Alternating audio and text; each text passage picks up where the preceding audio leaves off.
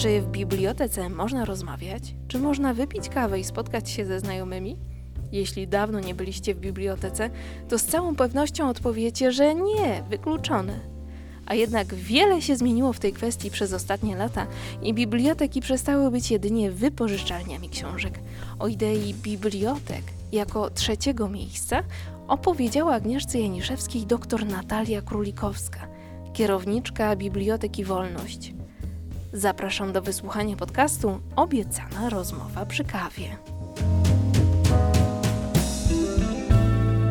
Dzień dobry, witam serdecznie na kolejnym spotkaniu z cyklu Obiecane Inspiracje rozmowy z przedstawicielami kultury, nauki i sztuki pod patronatem rektor Uniwersytetu Łódzkiego. Ja się nazywam Agnieszka Janiszewska.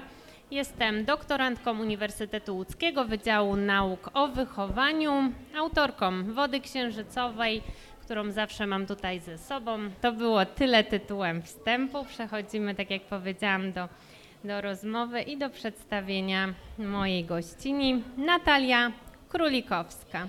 Doktora nauk humanistycznych w dziedzinie literaturoznawstwa, wykładowczyni, kierowniczka Biblioteki Wolność – animatorka kultury i krytyczka literacka, autorka bloga recenzenckiego Propsiki, stypendystka ministra kultury i dziedzictwa narodowego. Czy coś byś dodała na gorąco? Raz jeszcze Dzień dobry, witam, witam Państwa. E, dziękuję za przybycie na spotkanie ze mną i Agnieszce oczywiście za zaproszenie do tego wspaniałego cyklu. E, zwykle jestem po drugiej stronie, to znaczy ja zapraszam gości i czasami z nimi rozmawiam. E, dzisiaj jedna z niewielu okazji, kiedy mogę być po drugiej stronie. E, również w tej odwrotnej konfiguracji też miałyśmy przyjemność, tak, kiedy to ty tak, byłaś tak, gościnią biblioteki tak. właśnie ze swoją powieścią Woda Księżycowa że nie i było wtedy rozmawiałyśmy. tak, Mówiąc a więc delikatnie, jeden, ale to była jeden, pandemia. Jeden, tak. jeden. E, a więc e, miło mi e, Państwa tutaj widzieć i mam nadzieję, że kilka ciekawych rzeczy się dowiecie z dzisiejszego spotkania. Na pewno tak, zwłaszcza, że widzę, że tu pierwszy rząd okupują pasjonatki czytelnictwa, także też w pewnym sensie bibliotek. Także myślę, że mamy tutaj um, duże zadanie, żeby właśnie powiedzieć coś, czego może Panie jeszcze nie wiedzą o książkach i bibliotekach. No dobrze.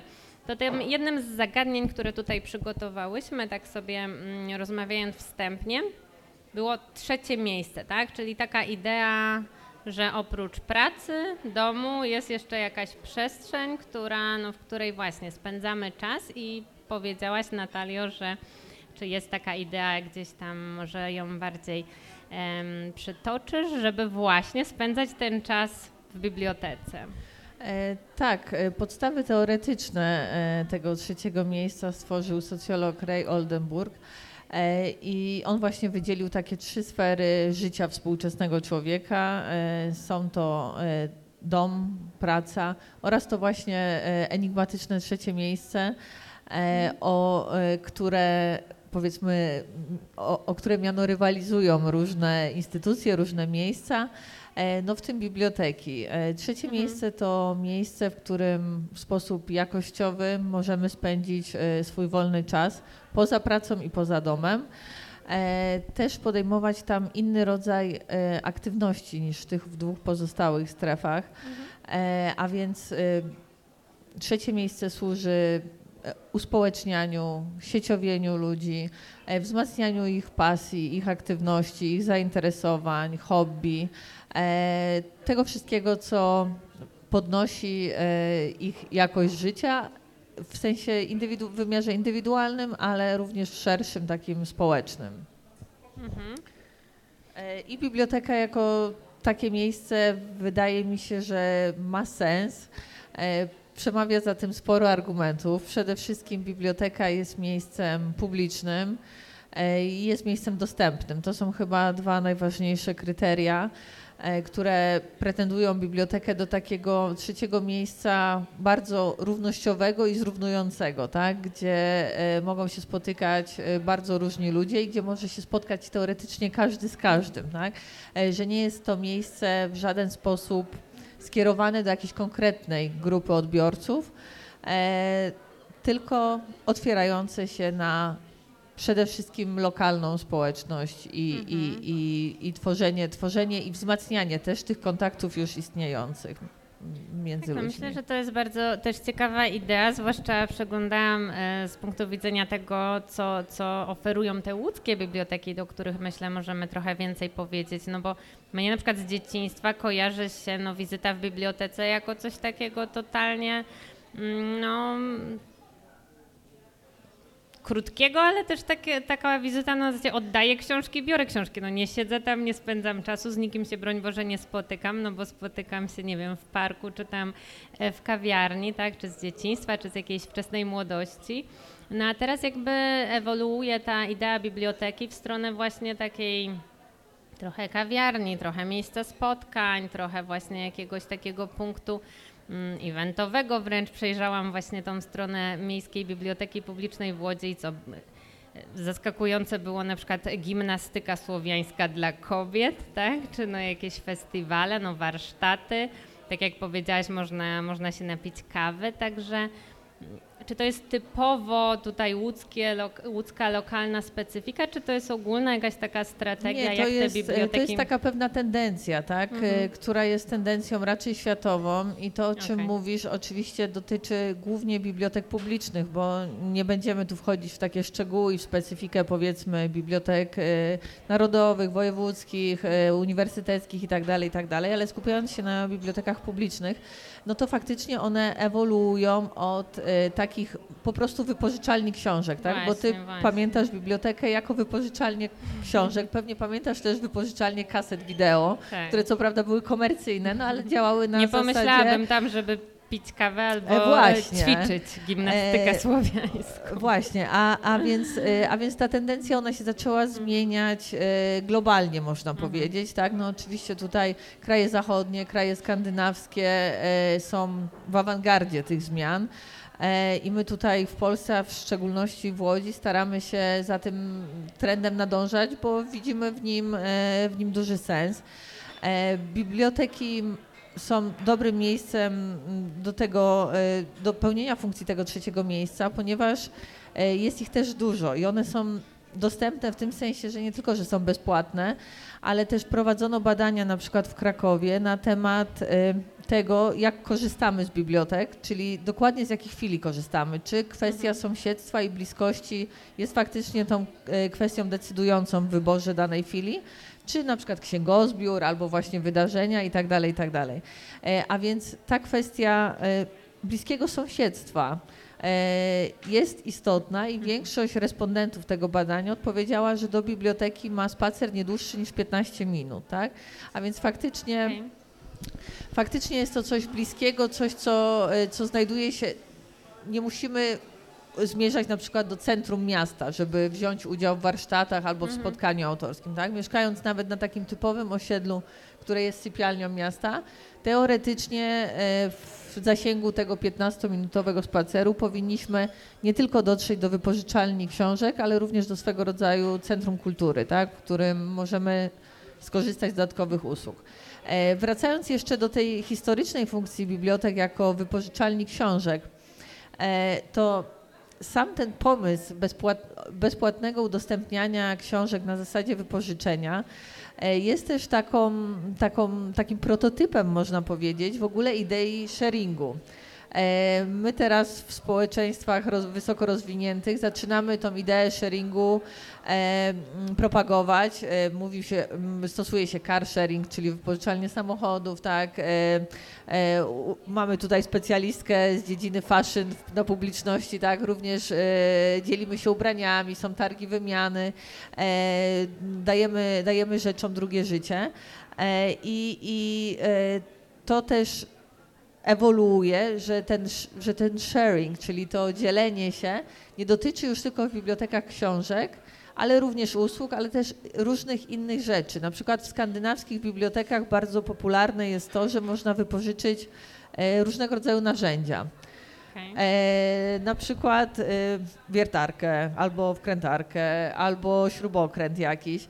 E, no to jest zgodne z ideą e, taką, aby nie, mm, nie konsumować nadmiernie, nie kupować, nie produkować rzeczy, których na przykład użyjemy raz albo dwa razy, prawda, i następnie odłożymy do szafy, tracąc tym samym przestrzeń w domu, przestrzeń w piwnicy, w garażu i tak E, a więc e, w tych bibliotekach skandynawskich bardzo to jest popularne, że są młotki do wypożyczenia, e, maszyny do szycia również i, i, i tego, te, tego typu rzeczy. A więc faktycznie ta zmiana tej tendencji funkcji bibliotek idzie dwutorowo, czyli rozwijamy jak gdyby ideę dzielenia się nieodpłatnego, co jest zgodne z tym nurtem antykonsumpcjonistycznym, mm, prawda, proekologicznym, zero waste'owym i tak dalej. E, Ale z drugiej strony, poza tymi różnymi formami dzielenia się przedmiotami materialnymi, bo książka, jakby nie było, również jest przedmiotem materialnym, e, no mamy całą tą strefę aktywności. I to często są aktywności oczywiście projektowane przez biblioteki, przez bibliotekarzy, ale również biblioteka jest przyjaznym miejscem do tego, aby dać możliwość zorganizowania czytelnikowi, potencjalnemu słuchaczowi czegoś, tak? Bo to nie łączy się z, to, to nie jest przedsięwzięcie typu zorganizowanie koncertu na sali koncertowej czy na dużej scenie w teatrze, prawda? E, gdzie to wymaga większych nakładów finansowych, większych nakładów organizacyjnych, no jest przedsięwzięciem znacznie bardziej wymagającym niż zorganizowanie po prostu eventu dla sąsiadów jakiegoś, tak? Na przykład u nas w bibliotece w ubiegłym roku mieliśmy warsztaty stolarskie i e, mieszkańcy okolicznych kamienic robili sobie różne tam doniczki, podesty e, do swoich podwórek w kamienicach, tak? E, mogli to teoretycznie zrobić u siebie, tak? Ale no, my byliśmy tym miejscem spotkania, miejscem wspólnym, tak? No, bo kiedy taka społeczność zastanawia się, robimy to u was czy u nas, no możemy to zrobić w tym trzecim miejscu właśnie, które jest neutralne, e, ale które jest również otwarte i które też e, daje tutaj wsparcie czasami organizacyjne, e, promocyjne, merytoryczne, e, no zależy jakiego typu to jest działanie. Akurat w kwestii warsztatów stolarskich to nie było działaniem wsparcie merytoryczne, e, wręcz odwrotnie, bo to e, fachowcy, którzy się mm, stolarką troszeczkę połają, nawet hobbystycznie, to oni przyszli do nas, tak? No ale my jak gdyby użyczyliśmy przestrzeń, e, rozpromowaliśmy to spotkanie. Potem, potem dzieliliśmy się również realizacjami już na tych podwórkach, tak? które, które były zrobione dzięki tym warsztatom. Tym pokazywaniem tych fantastycznych, przyjaznych przestrzeni. A więc tak, no jest to tendencja globalna i myślę, że tutaj e, biblioteki pozostają bezkonkurencyjne chyba, e, bo, bo, bo tak jak powiedziałam na początku, no są przestrzeniami otwartymi, e, publicznymi i łatwo dostępnymi. No myślę, że to jest bardzo ciekawe, co tutaj nam em, jakby zilustrowałaś i tak mocno e, wyjaśniłaś, ponieważ po pierwsze, pamiętam, że powiedziałaś zaskakującą rzecz, że biblioteka w Łodzi, tak, czy, czy biblioteki, to jest największa instytucja kultury w naszym mieście. Czy tak. to, jest, to jest chyba Tylko coś, rozproszona, ale właśnie w tym rozproszeniu tkwi też jej siła, jak gdyby, Mhm. tak? Bo oferuje e, inny rodzaj dostępu do kultury niż, Tak. orga, e, niż instytucje, które na pozór wydają się większe, na No przykład jak właśnie. Filharmonia czy Teatr Wielki, tak? E, a są mniejsze. Są- E, e, ale dzięki temu właśnie, że nie są że biblioteka w Łodzi nie jest scentralizowana, tak? Że jest e, rozproszona, filie są równorzędne, bo Więc też to jest są- bardzo duża siła. to jest tak, to jest Tak. taka, taka siła małych rybek, które Tak, razem tak, mogą tak. przegonić większą Jest to nawet taka stadę. stereotypowa pani bibliote- bibliotekarka z mojej wyobraźni, gdzieś się powoli rozpuszcza, jak słyszę. Tak, ale to jest też związane, e, warsztaty związane z, ze e, ze, ze zmieniającymi się tendencjami w Tak, czytelnictwie, tak, bo tak jak kiedyś te biblioteki były tymi wypożyczalniami książek, musimy pamiętać, że kiedyś rynek wydawniczy był o wiele mniejszy. To znaczy wydawano o wiele mniej książek. No i jeśli wrócić do czasów, których ty pewnie nie pamiętasz, tak, ale kiedy biblioteki już działały przed rokiem 90, no to nawet kiedy rozmawia się z osobami czytającymi, to one mówią, że był pewien kanon wspólny, tak? I to nie chodzi o ten kanon lektur szkolnych, który oczywiście Mhm. do dziś jest wspólny, ale że kiedy coś wychodziło, jakieś dzieło, no to wszyscy, No tak, powiedzmy, wszyscy czytający, krytycy, czy jacyś bardziej świadomi czytelnicy, e, zapoznawali się z tym dziełem.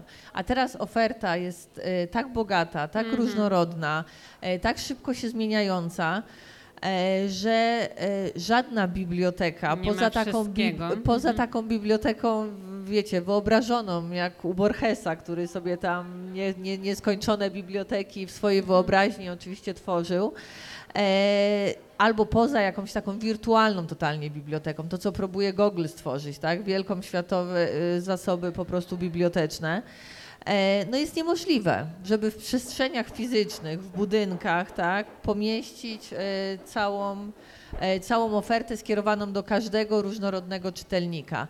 A więc ta, ten wybór książek, które się znajdują, zawsze jest jedynie wyimkiem, jedynie pewną reprezentacją, jakąś, jakimś autorskim często wyborem, selekcją i, i potrzeby wszystkich w zakresie czytelnictwa w bibliotece nie mogą zostać zaspokojone. Dlatego biblioteka troszeczkę e, musi się posiłkować jak gdyby tymi dodatkowymi aktywnościami, bo apetytu czytającego nigdy nie da się zaspokoić. Mhm. Tak, no to, to bardzo ciekawe i no wydaje mi się, że o tych tajnikach, jak tam co się robi z książkami na przykład, których już się nie czyta, myślę, że jeszcze powiesz. Natomiast zostańmy jeszcze chwilę przy tej właśnie łódzkiej tutaj mm, ofercie, no bo po pierwsze jest memo, które myślę jest bardzo na topie, no bo jeżeli się słyszy o jakiejś oryginalnej bibliotece, no to, to chyba przede wszystkim o memo, o mediatece, gdzie można nagrać podcast, pograć w gry, no obejrzeć film, na ile Polatać na symulatorze lotów nawet. Okej. Tak, lądowałam w Central Parku kiedyś Aha, na tym symulatorze. E, Tak. Zachęcam, bardzo fajna zabawa.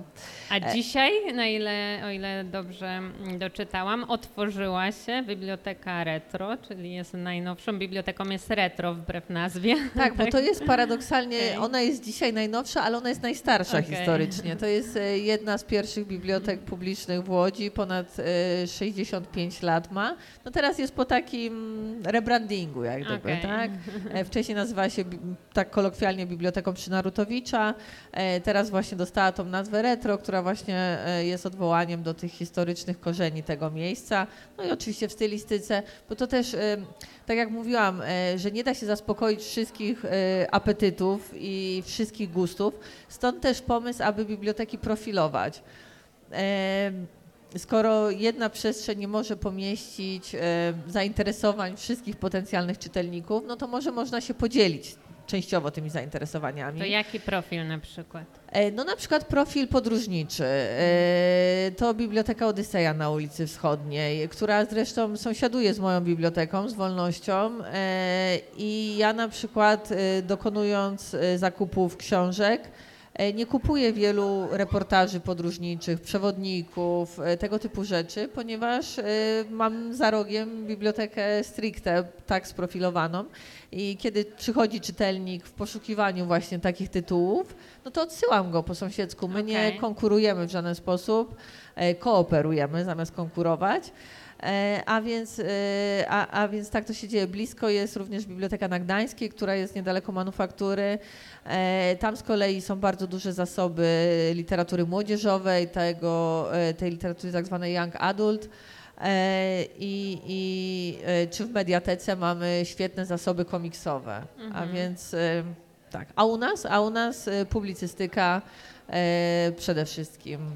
Powiedz, czy to rzeczywiście działa, no bo jedno no to jest właśnie oferta, to co byśmy chcieli, to co widzimy na stronie i myślę, że to jest niesamowicie imponujące i generalnie ten trend, trend jest inspirujący. Ja myślę, że to jest atrakcyjne Ale też dla czytelników, którzy. Jest, ale czy e, faktycznie tak się dzieje, czyli że przychodzą ludzie, spędzają czas w tym trzecim miejscu, czy, czy biblioteka jest tym trzecim miejscem, o jakie chodziło w tej teorii może? E, No na pewno dużą rolę bardzo odgrywa lokalizacja i nie można powiedzieć, że samo wstawienie między regały, foteli, e, krzeseł czy miejsc do pracy e, od razu uczyni bibliotekę trzecim miejscem. No akurat ja mam to szczęście, że Biblioteka Wolność ma świetną lokalizację, chociaż teraz strasznie cierpimy przez trwający remont, ale będzie pięknie, jednak jest to miejsce, można powiedzieć, tranzytowe dla Łodzi, prawda, gdzie odbywa się ruch pieszy. No jest to No taki tak. punkt węzłowy bardzo ważny.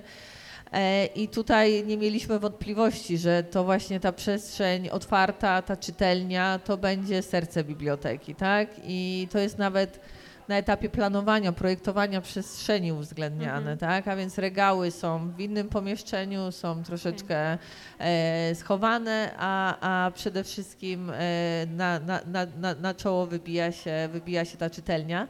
No i tutaj oczywiście mogę się tylko z tego cieszyć i mogę powiedzieć, że tak, Biblioteka Wolność jest trzecim miejscem. Okej. Nie mogę tego powiedzieć za wszystkie filie, aczkolwiek jest to pewien ideał, do którego trzeba dążyć i który na, należy e, jakoś stymulować. E, a więc e, staramy się jako instytucja, mówię tutaj jako całość, e, implementować tą ideę we wszystkich zmodernizowanych filiach, aczkolwiek są specyficzne osiedla, gdzie na przykład to życie już może się świetnie toczyć w Mhm. innym miejscu, Mhm. tak? I, I być tam zorganizowane i też nie ma sensu jak gdyby tego rozbijać czy, czy, czy, czy, czy konkurować z tym. E, Natomiast myślę, że warto szerzyć tą wiedzę, prawda? Tak jak my to, jak ty to Tak. dzisiaj tutaj robisz, no bo jeżeli się tego nie wie, że można do biblioteki iść, napić się kawę i posiedzieć, a, a wydaje mi się, że są no, miejsca w Łodzi, osiedla, gdzie nawet na hojnach, w których ja mieszkam, kawiarni jest może dwie teraz, bo jedną nową otworzyli, tak? I, i właściwie nie wiem, jak jest z bibliotekami, jeżeli chodzi o, o ten właśnie dodatkowy aspekt, czyli rozrywkowo. No mam taką obserwację, że mm, głównymi beneficjentami tej idei biblioteki jako trzeciego miejsca jest młodzież, młodzi dorośli, studenci i emeryci. Bo właśnie osoby pracujące, Mhm. No zarabiające, tak, tak. aktywne No tak. zawodowo, one właśnie mogą spędzić ten czas na przykład w kawiarni, tak? To prawda, tak. E, a, a, a, a, a biblioteka jako to miejsce, e, mie, miejsce właśnie bezpłatne, no zachęca na pewno te Mhm. grupy, które są nieaktywne zawodowo powiedzmy, Mhm, tak? mhm. E, ale też tutaj e, pandemia sporo zmieniła, no i w ogóle jest też taki trend, E, coraz więcej osób pracuje zdalnie, prawda? Są oczywiście przestrzenie coworkingowe, biura wspólne, tak? E, ale nie trzeba z nich korzystać. Ja je nie zniechęcam. One oczywiście mają pewnie swoje przewagi, dają adresy, dają e, jakąś intymność, prywatność, tak? No czego biblioteka jako miejsce otwarte nigdy nie może zagwarantować, Jeżeli tak? biblioteka konkuruje, to z coworkingami, nie ze sobą nawzajem, z innymi filiami nie. No nie, na pewno nie, nie z coworkingami też nie, to zależy od Nie, potrzeb, prawda? My realizujemy inne potrzeby No niż jasne. przestrzenie coworkingowe, ale na pewno częściowo możemy również e, o- z- odpowiadać na taką potrzebę, tak? Czyli Mhm. po prostu zdalnej pracy, pracy w ciszy. E, Młode osoby, na przykład wynajmujące mieszkania, czy mieszkające w akademikach, często są to pokoje dzielone na przykład, tak? No co- tak, co- tak. no i Myślę, że- wyjście do biblioteki jest idealnym rozwiązaniem, aby, e, e, a, aby, a, aby w ciszy popracować i, i można kogoś poznać.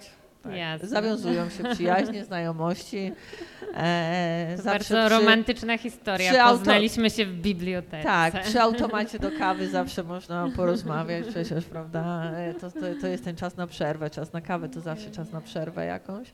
A więc... e, tak. A więc to, to, to, jest, to jest chyba fajne i, i to jest Tak, dobre. A, a, a profilowanie też, o którym mówiłam, wydaje mi się też atrakcyjne dla czytelników, poza tym, że rozwiązuje pewną logistyczną trudność, tak, że w każdej bibliotece Mm. nie zmieszczą się wszystkie książki na wszystkie tematy, no to też wydaje mi się atrakcyjne dla czytelników, bo e, oni mogą między tymi bibliotekami e, krążyć i jest to zjawisko obserwowane. My się Mhm. z kolegami, z koleżankami z innych chwili dzielimy czytelnikami, znamy Mhm. nawzajem swoich czytelników, no odsyłamy sami nieraz, tak, do innych chwili.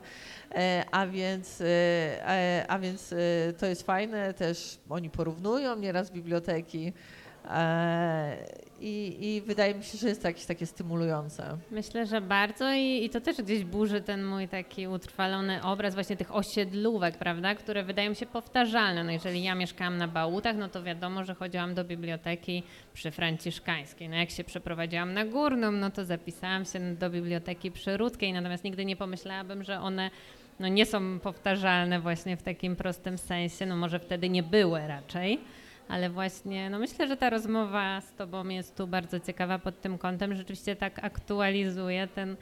No, Tak, przy- bo te zmiany one w Łodzi akurat bardzo aktywnie dzieją się od 2018 roku tak naprawdę. To bardzo świeże. E, tak, a więc to jest wbrew pozorom świeża sprawa i, i ludzie jednak często żyją e, prze, jakimiś swoimi przekonaniami wynikającymi z jakichś przeszłych, przeszłych Tak, no ja mogę na przykład zauważyć, o, wstawili automat do kawy, tak, ale nie pomyślałabym, że za tym jest cała idea trzeciego miejsca. Zresztą my też y, dwa lata temu Biblioteka Miejska w Łodzi razem z Biblioteką w Gdyni i Biblioteką w Krakowie robiła takie bardzo duże badanie socjologiczne, badanie tak zwanych nieużytkowników bibliotek, czyli ludzi, którzy nie są użytkownikami. E, I tam pytano z jakich powodów, E, a więc e, często potwierdzał się ten stereotyp, o którym ty na początku troszeczkę powiedziałaś, tak? E, No, że nie jest to miejsce interesujące, e, nieciekawe, niczym nie przyciąga, trzeba pilnować tych terminów, kary jakieś płacić, Właśnie, no w ogóle dramat. Dokładnie. E, jakieś coś jest niejasne, coś jest niefajne, coś jest, nie wiem, stare, Tak. szczytane. My mówimy na książki, które są, wiecie, brzydkie, po prostu stare, że one są szczytane. To są zwykle najbardziej popularne tytuły. To łatwo w bibliotece rozpoznać. Można sobie zrobić badanie e, palpacyjnie. Jak są pożółkłe i, i zdarte strony, to znaczy, że książka jest czytana, więc jest popularna. E, i, I e, osoby na przykład aktywne zawodowo, bo to było typowe badanie socjologiczne, więc tam były podział ze względu na wiek, na płeć, na miejsce zamieszkania i tak dalej. E, No właśnie wskazywały, że wolą kupować książki, że książki dostają w prezencie często, tak?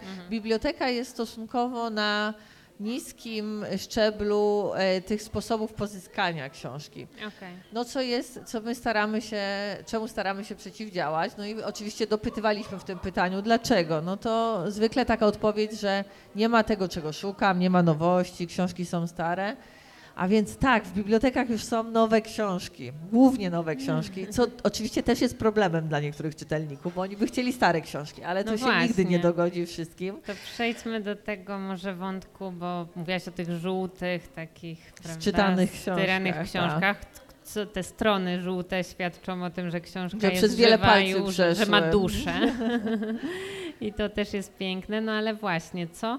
No bo jeżeli mówisz, że ciągle zamawiacie nowości, no bo ta oferta teraz wydawnicza jest tak szeroka, no to te biblioteki, nawet jakkolwiek by nie były wspaniałe i odnowione i nie miały nie wiem ile tam przestrzeni, no to gdzieś się ta przestrzeń kończy. I co z tymi książkami, które już e, nie są w użyciu? No tutaj taki mamy przewrotne pytanie, czy książek tak jak chlewa nie można wyrzucać? Co robią z książkami biblioteki? E, tak, e, Przyznaj się. Przyznam się, tak. Umówiłyśmy się, że się przyznam. Zresztą no nie jest, to jest tajemnica Poliszynela, to nie, nie, nie trzeba tego ukrywać.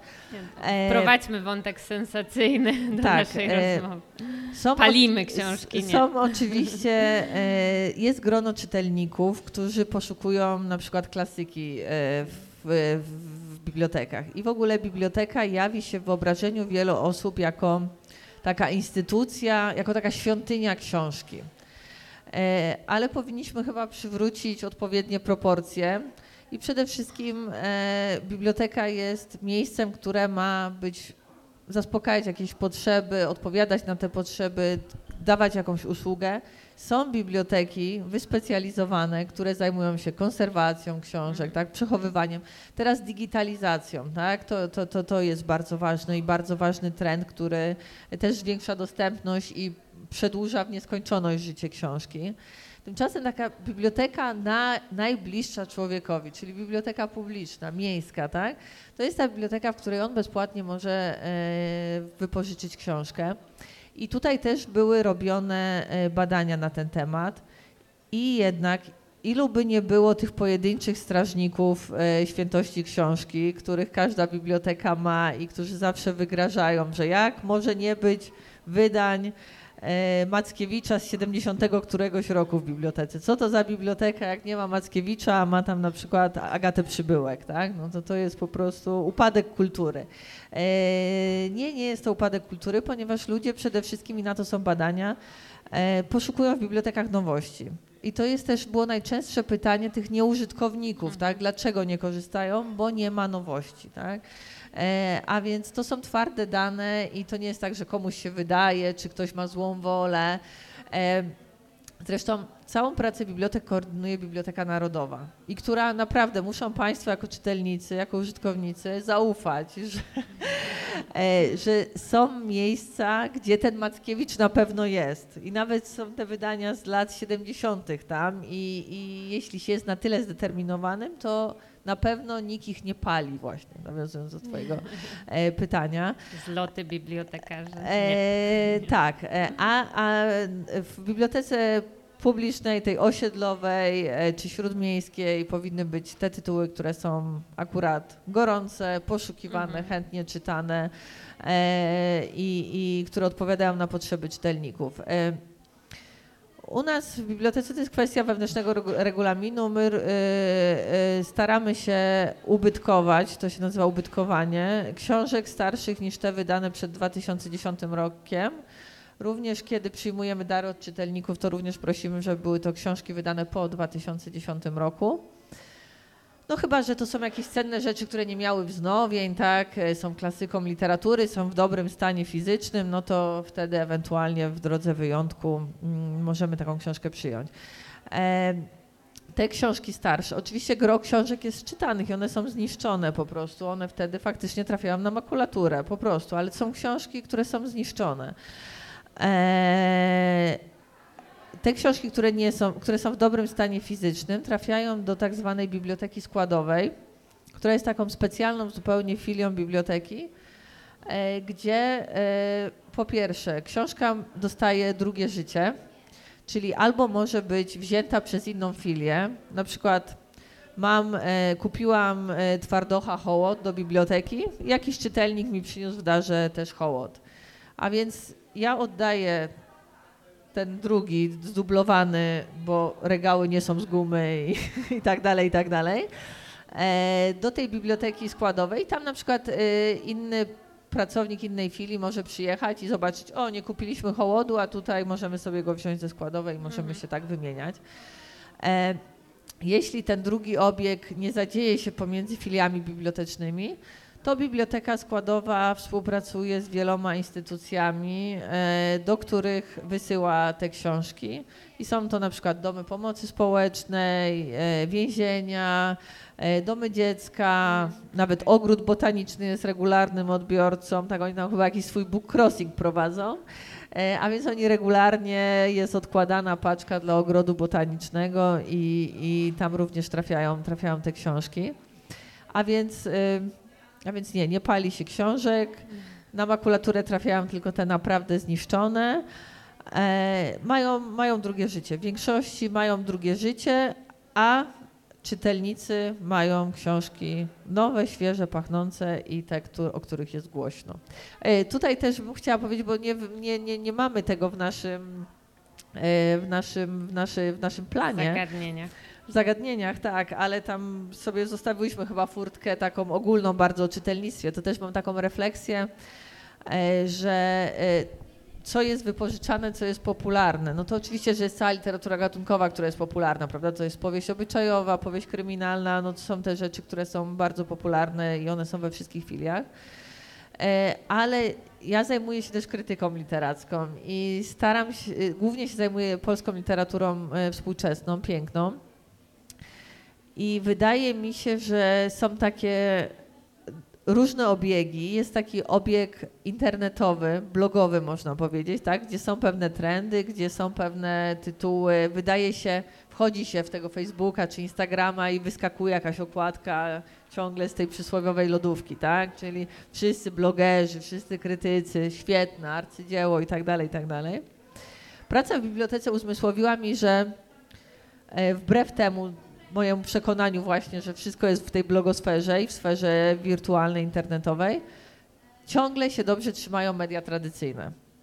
I e, bardzo dużo czytelników e, przychodzi po tytuły, o których słyszało w audycjach radiowych, e, czytało w gazetach albo oglądało w telewizji, chociaż w telewizji już jest mało programów poświęconych czytelnictwu. W radio jest trochę lepiej i faktycznie mamy dużo czytelników, którzy się kierują właśnie tymi wskazaniami radiowymi, a więc Nie ogłaszałabym jeszcze śmierci mediów tradycyjnych i ich roli w kształtowaniu e, gustów czytelniczych oraz w promocji czytelnictwa w ogóle, tak?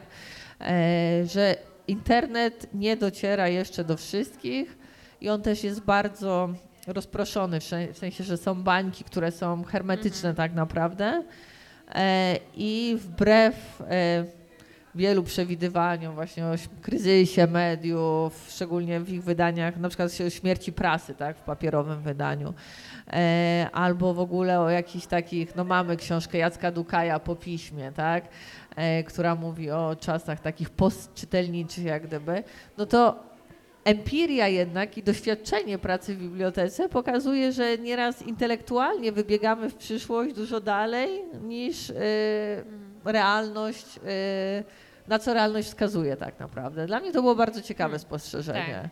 To bardzo rzeczywiście ciekawe, tak, no bo być może funkcjonujemy w jakiejś bańce, gdzie wszyscy są przyklejeni do smartfonów. Tak, no Monice na przykład się wydawało, że wszędzie widziała zaproszenie na spotkanie ze mną, a na pewno to było bardzo złudne. Trafiła do takiej bańki akurat, Tak. gdzie Natalia Królikowska była. Wyskakiwała z lodówki, tak. Wyskakiwała z lodówki, ale to myślę bardzo fajna bańka. Tak, to bardzo ciekawe. Mm, I w takim razie tak w ogóle bardzo mm, ciekawi mnie też e, ten wątek no, drugiej strony, bo ty przytoczyłaś bardzo kolorowy, optymistyczny i w ogóle taki mm, no, inspirujący obraz współczesnej biblioteki, tak, lokalnej biblioteki, instytucji kultury, która właśnie jest blisko czytelnika, jest blisko odbiorcy, oferuje różne rzeczy, interesuje się, robi badania, jakby odpowiada na potrzeby, nie jest jakąś anachroniczną, prawda, skostniałą strukturą, także to w ogóle myślę jest fenomenalne i No raczej, Wydaje nie, mi się, że- raczej użytkownik nie Tak. przyjdzie do teatru i nie powie wystawilibyście coś tam mrożka na przykład, policję, no weźcie, a czytelnik przyjdzie do biblioteki i powie, no kupcie tą nową przybyłek, no bo Tak, nie mogę właśnie. nigdzie dostać, no to No kupimy. właśnie, więc jest no. ta interakcja, dokładnie i- to jest wspaniałe. Natomiast powiedz jeszcze więcej o tych czytelnikach, a może jeżeli masz tutaj jakieś dane, czy, czy ochotę ten wątek rozwinąć w czytelnictwie, tak? No bo okej, mamy wspaniałe panie bibliotekarki czy panów, mamy trzecie miejsce, mamy, mamy mm, przestrzenie, które są zre, mm, po remoncie, tak jak ta retro, o której wspomniałaś i tak dalej, i tak dalej. Mamy nowe e, pozycje, także można pożycz, e, pożyczać to, o czym się czyta i słyszy jeszcze w radiu, telewizji i tak dalej. No ale kto przychodzi, w jakich liczbach te osoby przychodzą Tak, i, no i biblioteka- czy, czy, czy czujesz, że jest odbiór tego wszystkiego, co jest oferowane? Biblioteka Narodowa oczywiście prowadzi co roku badanie czytelnictwa e, i e, jak pewnie doskonale wszyscy wiemy, Polska nie wypada najlepiej, jeśli idzie o wskaźniki poziomu czytelnictwa na tle innych krajów europejskich, a nawet krajów bezpośrednio z nami sąsiadujących.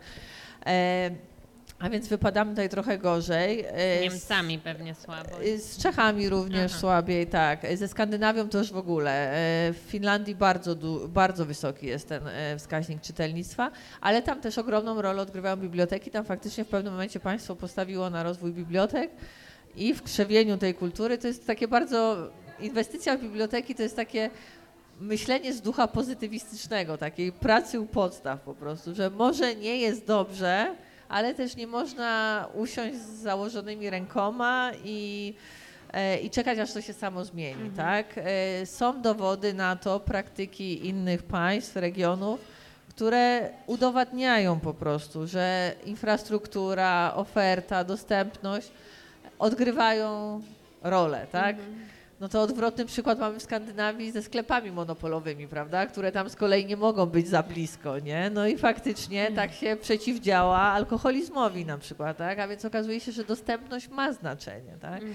E, a więc, e, a więc e, to oczywiście jest praca taka u podstaw pozytywistyczna, która nie daje bardzo szybkich efektów na pewno i to jest ciężko mierzyć. Mie- Kiedy biblioteka mierzy, to rok do roku dalej wypadamy w ogonie Europy, ale jakieś e, e, sygnały, jaskółki, może poprawy są. E, no na pewno ten wskaźnik mocno podskoczył w pandemii, Okej. E, tak, a więc to jeden z niewielu plusów e, tego, co przeżyliśmy A w jakie to 2000. są wskaźniki, jeżeli jesteś w stanie coś E, przytoczyć? Nie chciałabym przytaczać Mhm, teraz okej. cyfr, Liczb. Bo, tak, liczb dokładnych, ale na pewno był to Humanistyczna taki, rozmowa. Tak, był to taki wyraźny wzrost, wyraźny Okej. taki. E, kiedy mamy wykresy, no to to drgnęło tak zauważalnie na, gołym okiem. I to też widzieliśmy w bibliotece, bo Biblioteka Miejska w Łodzi od kilku lat e, bierze udział e, w budżecie obywatelskim, zgłaszając taki ponadosiedlowy projekt zakupu e, dostępu kodów do Legimi. I to jest też według mnie świetny, świetny prognostyk, że co roku wygrywamy tak, ten budżet obywatelski. A więc łodzianie chcą mieć bezpłatny dostęp do tego Legimi. I, e, I mamy tutaj dużą konkurencję, bo jest wiele fantastycznych projektów. Są to projekty infrastrukturalne często, tak? E, jakieś, nie wiem, boiska, tereny zielone. E, cele charytatywne, tak? Kastracje kotów, e, hospicja dla dzieci, dla osób starszych. Naprawdę konkurencja jest nie byle jaka, wręcz można powiedzieć potężna, a mimo wszystko te kody do Legimi rok w rok wygrywają. E, No i co się zadziało w pandemii z tymi kodami Legimi? Za tą pulę z tego budżetu obywatelskiego biblioteka szacuje, że jakąś ilość tych kodów może kupić. E, No i w 2020 roku, kiedy wybuchła pandemia, pula kodów oszacowanych na cały rok skończyła się, uwaga, w jakim miesiącu? Pandemia się zaczęła w marcu, tak? W marcu. W maju. No nie, no w lipcu, ale w lipcu została wyczerpana pula całoroczna już, tak? Czyli po trzech czy czterech miesiącach od Mhm. wybuchu pandemii kody się skończyły. A więc e, wszyscy w tej izolacji domowej e, Okej. nagle z, z, zorientowali się, że kurde, można, można czytać i jest to jakaś forma spędzania czasu, jak nie można wyjść do e, galerii, nie mówię tutaj o galerii sztuki, tak, ale o galerii handlowej, gdzie można wyjść do kawiarni. E, W pewnym momencie nawet lasy były zamknięte, tak, no to jedyną alternatywą dla wyjścia do kościoła było ewentualnie e, poczytanie sobie książki. No i faktycznie się okazało, że jeśli się ma przestrzeń taką mentalną, czas, to, to, to ludzie sięgają po, po to czytanie. Oczywiście nie zrobiłabym jakiegoś zamachu na wolność wyboru, tak? Bo oczywiście mm, jeśli ktoś woli chodzić po sklepach, tak, albo do kina, no to czy na basen, no to nie, nie uważam, że czytelnictwo powinno być jakimś e, uprzywilejowaną tutaj formą spędzania. Ale nie jest tak źle. nie jest tak źle. Ja też Ja mam- jeszcze ja- dodam do tych budżetów obywatelskich, bo byłam zdziwiona, że no, o kodach Legimi nie wiedziałam, ale nie wiem, czy one wygrywały, ale przynajmniej było dużo projektów na organizację spotkań autorskich, na które zawsze głosowałam, no bo leży w moim interesie, No i na zakup biblioteki... książek, na zakup nowości Prawda? bibliotecznych, e, większość chwili, bo to są już te projekty Mhm. osiedlowe, mm, tutaj też zwykle jest z dużym sukcesem. E, A więc e, faktycznie są ludzie, którzy oddają swoje głosy za tym, aby były nowe książki w bibliotekach i żeby były e, bezpłatny dostęp do e, e-booków i audiobooków. E, Wracając do tych form spędzania czasu, bo to też trochę też nawiązuje do tego trzeciego miejsca, ale bardziej już przechyla nas w stronę w ogóle czytelnictwa, to ja mam taką swoją ideę fix, taką, e, taki pomysł życiowy, do którego staram się przekonywać innych ludzi. Tutaj miejsce mojej pracy, czyli biblioteka, jest świetnym miejscem, aby tę ideę propagować, ale również dzisiejsze spotkanie może być e, e, taką Jak okolicznością. A więc e, podzielę, Promuj, się, podzielę się z. Państwem, tak. E, Wiemy, że wiele rzeczy należy robić z różnych powodów, ze względów zdrowotnych na przykład, tak? Czyli e, mamy, jednym z partnerów jest klub sportowy, tak? Klub fitness, tak? Ja nie wierzę, że wszyscy ludzie, którzy tam chodzą, to kochają. Chodzą tam, bo czują, że tak trzeba, że to jest dobre dla ich zdrowia, e, że to wydłuża ich młodość, e, zachowuje kondycję, smukłą sylwetkę, ma 500 innych za- zalet. Pewnie jest połowa to lubi. Nie, nie mam pojęcia. No może trzy czwarte to No lubi, tak, ale, tak. Można ale tak. jest na pewno grupa osób, które to robią, bo po prostu strzelić, trzeba. że nie więcej niż Tak. trzy czwarte. E, Ja uważam, że e, tak jak się promuje zdrowy styl życia, tak, czyli zdrowe jedzenie, ruch, aktywność fizyczną, również w ten sposób powinno się promować czytelnictwo. W sensie, nawet jak nie lubisz czytać, Aha, męczy cię, okej. wymaga to od ciebie wysiłku. Ja też biegam i też mnie to męczy, naprawdę. A więc mówię do ciebie, biegaczu, czy tutaj e, kolego z klubu sportowego, przemęcz się i przeczytaj dziennie te 30 stron. Naprawdę, dla No. zdrowia, dla To swojej ambitnie głowy. postawiłaś. Nie, to, to nie- 30 stron Nie to jest. chyba nie. Nie, no to jest tak jak biec 30 No minut. tak, no tak, to tak. naprawdę można. Słucham? To i, Albo z audiobookiem, tak, okej, biegać z Właśnie audiobookiem. można to tak. połączyć, nie trzeba można, wybierać. Można, można to łączyć. To tak. ile ty czytasz stron dziennie? Podziel się tak dygresja. Ja staram się 50. Okej. No, ale no powiedzmy, że to jest zawodowe, tak, czytanie w, po części oczywiście. Chciałabym więcej i, i wiem, że niektórzy czytają więcej. 50 to nie jest jakiś imponujący wynik, ale, Hmm. ale staram się uśredniając, e, nawet nieraz nie uda mi się, tak, no ale to staram się potem nadgonić. E, no oczywiście są różne książki, niektóre stawiają większy opór, inne mniejsze, no i są różne okoliczności, prawda? Też ci biegacze czasem mają kontuzje, No tak. przeziębienia i tak dalej. No nie mówię, że to ma być jakiś reżim, tak?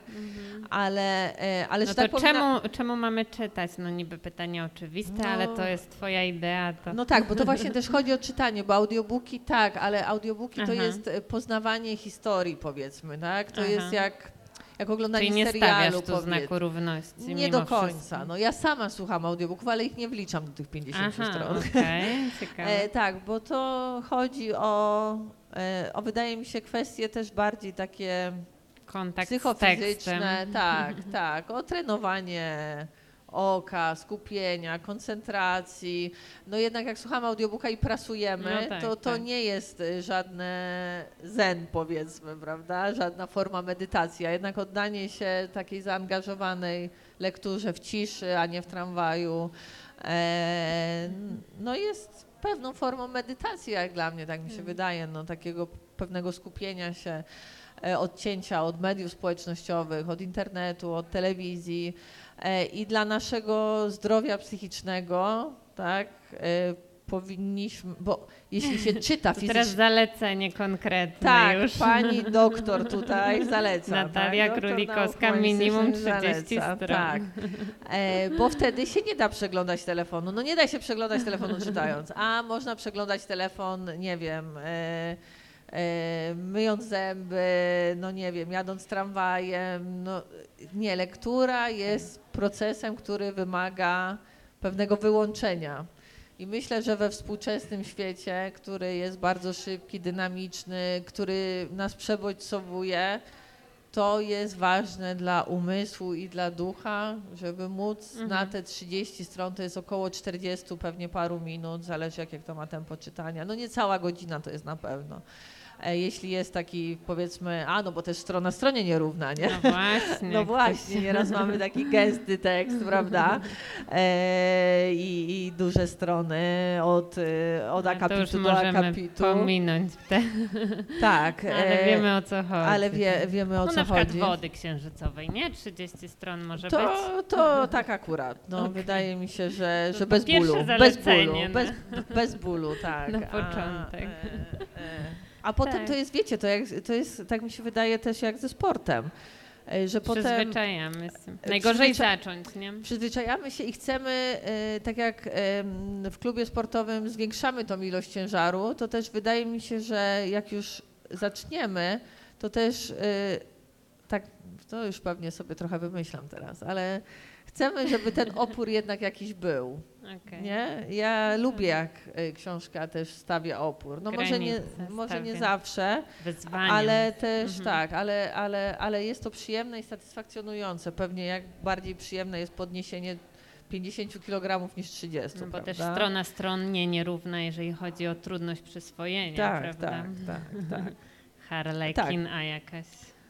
Tak, ale wydaje mi się, że nawet bardziej, nie będę tutaj mówić, że to wzmacnia, nie wiem, empatię, mm, zrozumienie, ma wartość poznawczą. O, bardzo popularna jest to, o czym miałyśmy mówić też o różnych trendach w czytelnictwie, literatura faktu.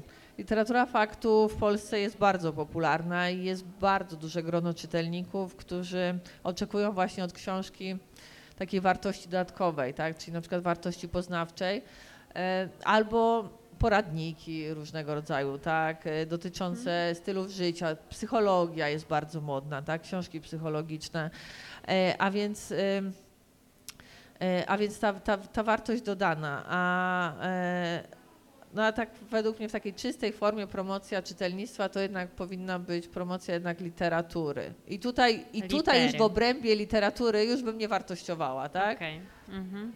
No bardzo ciekawy jest też aspekt, myślę, ważny we współczesnej rzeczywistości tego trenowania uwagi, bo też o tym dużo jest badań nowych, które no nie wiem, no są dla nas niepokojące, no gdzie prowadzą te trendy nie wiadomo, no zawsze się myślę wydaje każdemu pokoleniu, że już ten świat to teraz za nami, to totalnie się stacza i, i koniec i jednak tak się nie dzieje, więc być może po prostu się przekształcamy, tak, i ta uwaga już nie będzie nam potrzebna, ale no wydaje mi się, że wszystko co powiedziałaś jest na ten moment jeszcze ważne i tak, gen- i nie zaszkodzi. nie zaszkodzi. Nie zaszkodzi umieć się jeszcze skoncentrować. Że się no, umieć jeszcze, właśnie. Tak.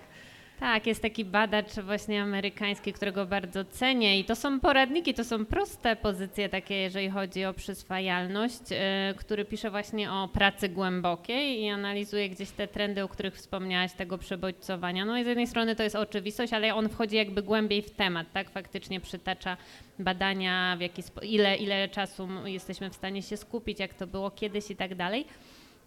No i tak jak na przykład my, nawet jeżeli, no nie wiem, ja bym totalnie przestała czytać i siedziała całe dnie na telefonie, no to okej, moja uwaga na pewno na tym straci, tak? I generalnie jest ten efekt rozproszenia, ale no jednak ja się jeszcze ukształtowałam na książkach, więc zawsze będę w stanie do tego wrócić, Łatwiej, ale tak. dziecko, które jest już wychowane, tak, od, od właśnie najmłodszych lat na, na tylko smartfonach, telefonach i na tych nowych mediach, które nie ma kontaktu z dłuższym tekstem, ono fizycznie, to jest bardzo ciekawe, fizycznie nie będzie już w stanie przeczytać chłopów na przykład, tak? Po prostu i to nie jest już kwestia Znaczy, skup się i zrób e, to, ono prze- nie jest... Przeżyję, jak nie przeczyta tych chłopów. Znaczy ja chłopów bardzo lubię, ale no da się żyć, nie, nie, nie, nie, nie przeczytawszy chłopów. No cokolwiek, E, prawda? I życie nie Ale jest dużo uboższe wtedy, ale, ale tak, no To oczywiście masz rację. Karczuk, Teraz, osta- Bator. teraz ostatnio czytałam badanie troszeczkę e, nawiązujące do tego, o czym ty mówisz, że e, przez wiele lat tak promowany i hołubiony multitasking, prawda, w obszarze Nie, nie, zawodowym. No, tak, tak. E, że trzeba być wielozadaniowym i mieć podzielną uwagę i tak dalej, i tak dalej. E, Czytam teraz wyniki jakichś badań na ten temat, że praca jest mniej efektywna, kiedy jest właśnie taka po, poszatkowana i okazuje się, że lepsze wyniki miały te osoby, które jednak koncentrowały się na konkretnych zadaniach, a nie miały tej uwagi rozproszonej. Ja oczywiście nie demonizuję przyszłości i nawet wyobrażam sobie świat bez książek papierowych. Nie wyobrażam sobie raczej świata bez opowieści w ogóle, no bo to książka też jest wynalazkiem stosunkowo nowym, prawda, patrząc na całą historię ludzkości. E, opowieści będziemy potrzebować. Ja nie, ja lubię bardzo książki kupować, wąchać, przeglądać, gromadzić, ale nie jestem też jakąś obłędną fetyszystką książki. Nie uważam, że e, jest to jedyne, najlepsze źródło w ogóle uczuć, e, doświadczenia emocji i tak dalej, przekazywania historii. Są świetne filmy, świetne seriale teraz są. Gry komputerowe dostarczają wspaniałych przeżyć, niektóre podobno. Ale ale mam nadzieję, że e, tak, a więc nie demonizuję tej przyszłości, nawet jeśli ona będzie, nie będzie papierowa, e, ale, ale wydaje mi się, że jeszcze jest za wcześnie, żebyśmy rezygnowali z tych umiejętności, kapitulowali i, i, No właśnie, a jeszcze i idea- tracili to, no, bo to Tak. jest pewna, to będzie jednak pewna strata. Tak, no. to jest właśnie to, co mówi Karl Newport, że te osoby, które tą zdolność utrzymają, którą ty tu postulujesz, żeby trenować też e, poza siłownią, no będą tymi, które najlepiej sobie radzą, bo to będzie zanikająca zdolność, zdolność No, trzy- koncentracji. Trzy, trzymając się tej analogii, tak? No po co biegać, tak? No, No przecież teoretycznie w dzisiejszych czasach nie potrzebujemy No w ogóle właśnie, biegać, Ale prawda? jak no. będzie trzeba uciec, to te osoby, które biegały przez ostatnie 10 Nie, ale one lat. pewnie nigdy nie będą uciekały, ale ich serce będzie lepiej pracować, tak, tak, tak. ogólnie. A E, a więc tak samo, no, no, no, no nie wiem, no może te, te osoby czytające nie będą osobami piszącymi czy coś, ale w jakimś obszarze ten ich No tak, rozwija będzie, się. Tak, no, tak. Wiadomo, mówimy E, Wydłuża się cały czas e, długość życia średnia, tak? A więc też cały czas jest ten problem e, z mm, asynchronicznym, powiedzmy, starzeniem się fizycznym i psychicznym, prawda? Różne choroby dementywne do sięgające coraz młodszych ludzi się ciągle o tym mówi, czy Parkinson, Tak, Alzheimer, tak? E, a więc myślę, że jest to forma pewna prewencji, no tak samo właśnie jak aktywność fizyczna po prostu I, i wydaje mi się, że warto zainwestować te 40 minut, tym bardziej jeśli... Ja myślę, że jesteśmy przekonani już ci, co słuchają. Super. Jeszcze o tym multitaskingu mi się przypomniało. Jest też inna książka, bo rzeczywiście miałam, że tak powiem, fazę na ten temat, bo faktycznie pisząc doktorat, pisząc powieści, to gdzieś ta uwaga jest niezbędna, a ona umyka no, poprzez sam kontakt z mediami społecznościowymi, a tego się też już raczej nie da uniknąć. No to y, inny badacz, tutaj jest taka książka Jedna Rzecz, ich jest dwóch autorów, mm, stwierdził, że w ogóle multitasking nie istnieje, tak? Że to jest w ogóle jakiś mit, który, znaczy w sensie o tyle istnieje, że my jesteśmy w stanie oczywiście, że robić dwie i więcej czynności naraz, jeżeli one nie angażują kory przedczołowej, tak? Czyli no ja mogę iść i rzuć gumę, rzecz jasna, czy mogę słuchać e, audiobooka i nie wiem, biegać, tak? No bo bieganie nie angażuje kory przedczołowej, bo nie jest czynnością intelektualną. No ale już właśnie tak naprawdę, no co, już nie można niczego liczyć i pisać książki i, i nie wiem, nawet jakiegoś raportu konstruować. To jest niemożliwe, to po prostu nie istnieje i przerzucanie się pomiędzy tymi czynnościami sprawia, że bardzo dużo czasu tracimy. On właśnie też, to, to z kolei Cal Newport, o którym mówiłam wcześniej, gdzieś ten opisywał zjawisko tak zwanego rezyduum uwagi. To też było bardzo ciekawe, no jak już ten temat poruszyłyśmy wątek, to gdzieś tu rozwinę tak mm, krótko, że no załóżmy, że piszę powieść, tak, czy, czy piszę, nie wiem, rozdział doktoratu i nie wiem, przyszło powiadomienie z Outlooka. No i ja tylko sprawdzę, o co wchodzi w tym e-mailu. Przeczytałam e-mail, a nic ważnego, wróciłam. To podobnież powrót do tego stanu skupienia, w którym byłam wcześniej, jeżeli faktycznie tak byłam zaangażowana w proces, może zająć do 20 minut, żeby tak głęboko jakby się te procesy myślowe na nowo gdzieś tam zostały zaangażowane. No więc jak tak na to patrzymy, no to jeżeli mamy te, te bodźce, prawda, cały czas Tak, to przy można sobie. w lepszy sposób tracić czas czytając książki na przykład. No. Właśnie, więc jak już czytamy te 30 stron, to też dobrze czytać, no wydzielić sobie ten blok czasowy, tak, żeby Tak. to nie było, nie trwało 3 godzin, bo w tym czasie 7 razy odpisałam na Messengerze i, i tak dalej, i tak dalej. Także to jest myślę ważny taki problem społeczny i, i No kulturowy. właśnie, wkurzają mnie pisarze, którzy robią strasznie długie rozdziały. No bo to, to jest... Już nie jesteśmy w stanie ich czytać. Nie, no nie jesteśmy. No, ja nawet jestem taka wytrenowana i tak mnie to wkurza. No i denerwują mnie pisarze, którzy nie mają słuchu społecznego, jakiegoś takiego, którzy wiecie, on jest twórcą i on tworzy swoje arcydzieło i macie czytać, bo to jest arcydzieło. Nie, no czasy są takie, czytelnik jest taki, trendy są takie i jak jesteś na to głuchy, no to widocznie jesteś genialnym twórcą. No. Takiego się uważasz, a więc y, tak. no no, tutaj y, widzę włączył się mm, Krótkie rozdziały. z- krytyk tak, no, literacki, więc też, możemy tak. do tego nawiązać. E, No właśnie, bo mamy bloga Propsiki, jesteś e, krytyczką, recenzentką literatury, to powiedz kilka zdań może jeszcze o tym. Mi się to wydaje, szczerze mówiąc, bardzo trudne zajęcie i takie chyba, którego bym ja się nie, nie podjęła z tego względu, że no nie mam w głowie, przynajmniej nie mam, no bo nie, nie starałam się mieć jakby kryterium, w jaki sposób ocenić tą literaturę w sposób taki, no bo oczywiście on jest subiektywny, nie? No bo jak inaczej, jaki ma być. No ale jednak właśnie, jakimi kryteriami się kierujesz w ocenie książek, których opisujesz na blogu? E, No to bym zanudziła teraz e, o tym opowiadając. e, Pigułce, ale tak, tak, dla no, tych rozproszonych prosimy. to nie, to nie jest e, blog krytyczno-literacki. To jest taki trochę. To nawet nie jest blog recenzencki. To jest mój pamiętniczek, e, zapiski z lektur. Ja po prostu nieraz się dzieliłam swoimi spostrzeżeniami na Facebooku i często dostawałam po prostu takie sugestie w komentarzach od znajomych, że fajnie o tym piszesz, dobre rzeczy polecasz i tak dalej. No i to się po prostu e, przeniosło na oddzielną stronę. Zeszło z mojej strony prywatnej i stało się propsikami. E, no generalnie idea to jest taka dość... e, moim głównym pomysłem, zamysłem to jest forma promocji czytelnictwa. E, to jest przede wszystkim przystępny język propsików, e, czyli tak. ja sobie wymyśliłam dokładnie, jakie książki będę recenzować. Oczywiście robię od tego odstępstwa, kiedy coś mnie jakoś tam wyjątkowo zachwyci, ale jestem mm, e, doktorą nauk humanistycznych, jak mówiłaś, w dziedzinie literaturoznawstwa, kończyłam polonistykę. To ty to E, mówiłaś wcześniej, Nie, ty chyba mówiłaś.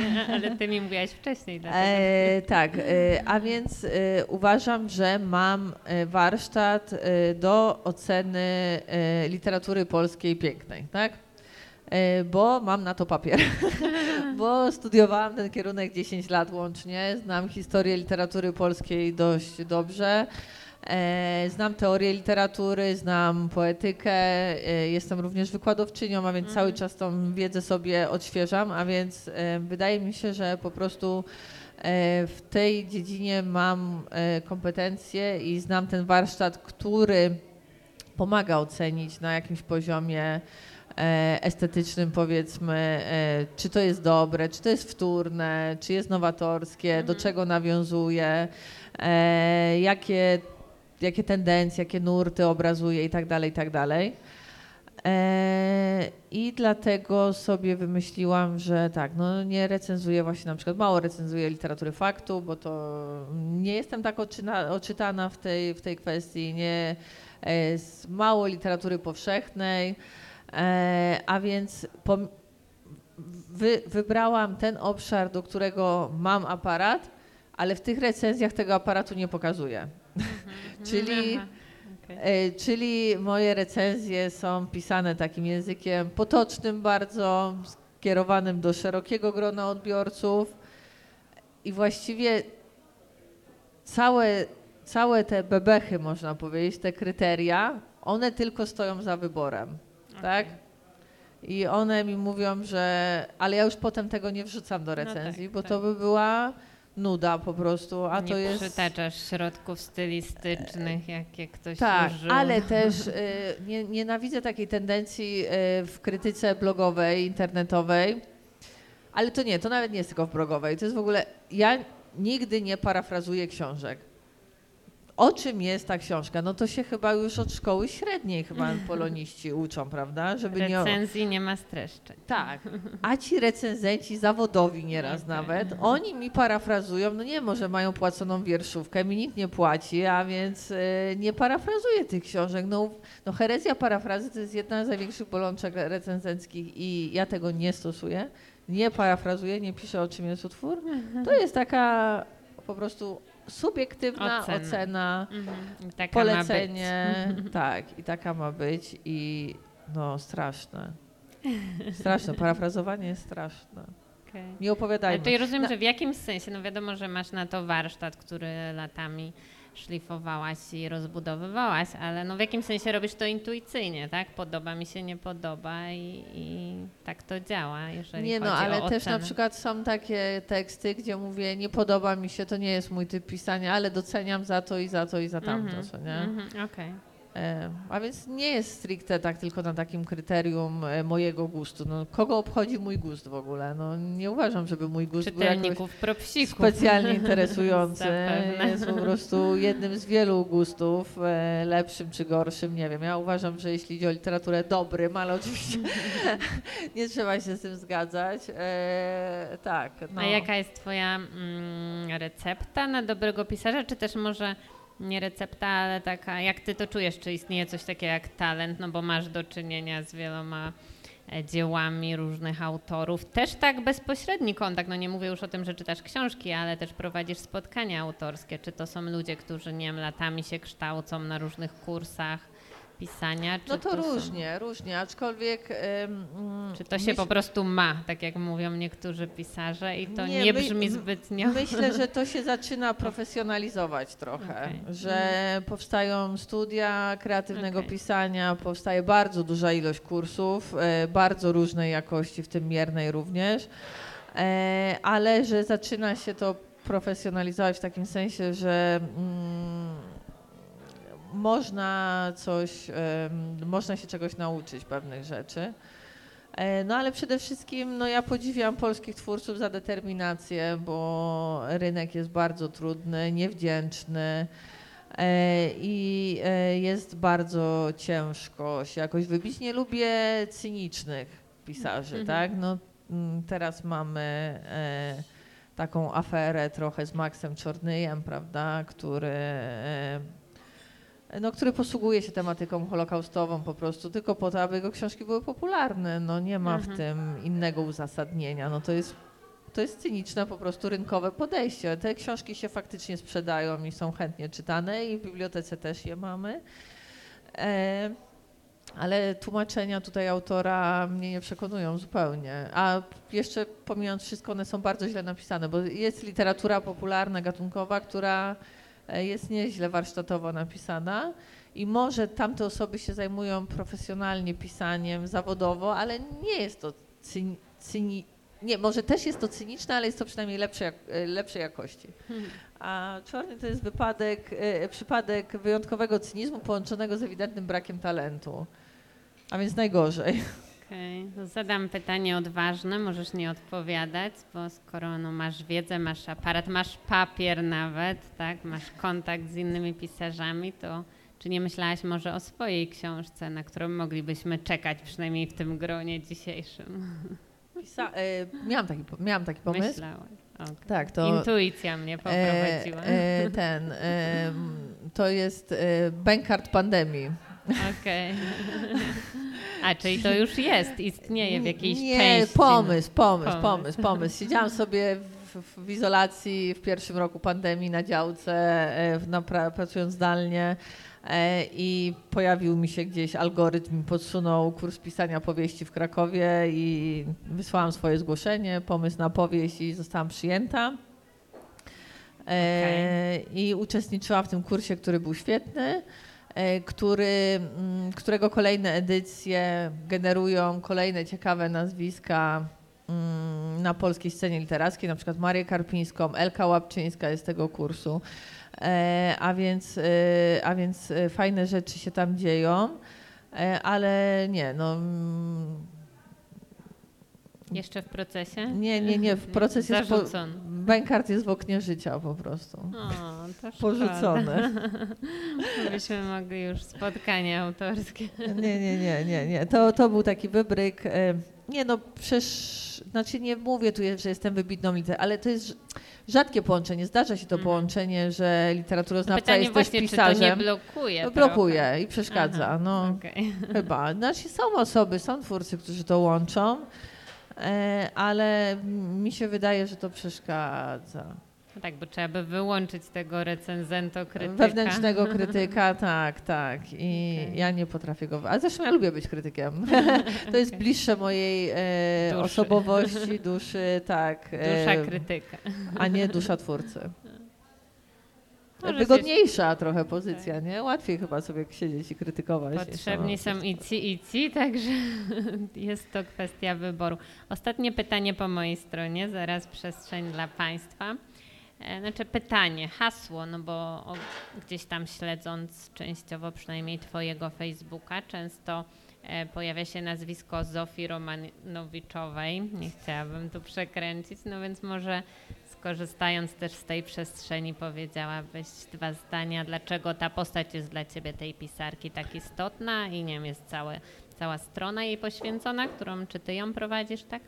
Tak, e, strona powstała w ramach e, stypendium ministerialnego Okej. właśnie, Mhm. które e, zatytułowany był projekt Ocalić od zapomnienia, Zofia Romanowiczowa, no i był to taki właśnie projekt e, przywracający trochę postać tej pisarki w takiej formie popularyzatorskiej, tak, czyli w formie właśnie fanpage'a, e, stworzenia haseł na Wikipedii oraz przeprowadzenia kilku rozmów o twórczości Romanowiczowej. E, I co? E, No to jest bohaterka mojej pracy doktorskiej. Aha, okej. A więc jestem z nią ściśle emocjonalnie bardzo związana, ponieważ e, studiowanie jej Mhm. dzieła wyrwało mi kawał z życia, a więc e, tak łatwo nie zapomnę. No tak, E, zanim nie odda. Pisanie doktoratu formie. jest męką, aczkolwiek twórczość Romanowiczowej jest wspaniała, nie cała. Ona jest autorką 11 powieści, nie wszystkie są dobre. E, Niektórych nienawidzę i wstydzę się za niektóre, za świętej pamięci Zofię, E, ale jest kilka wybitnych. Trzy, cztery spośród 11 są bardzo dobre.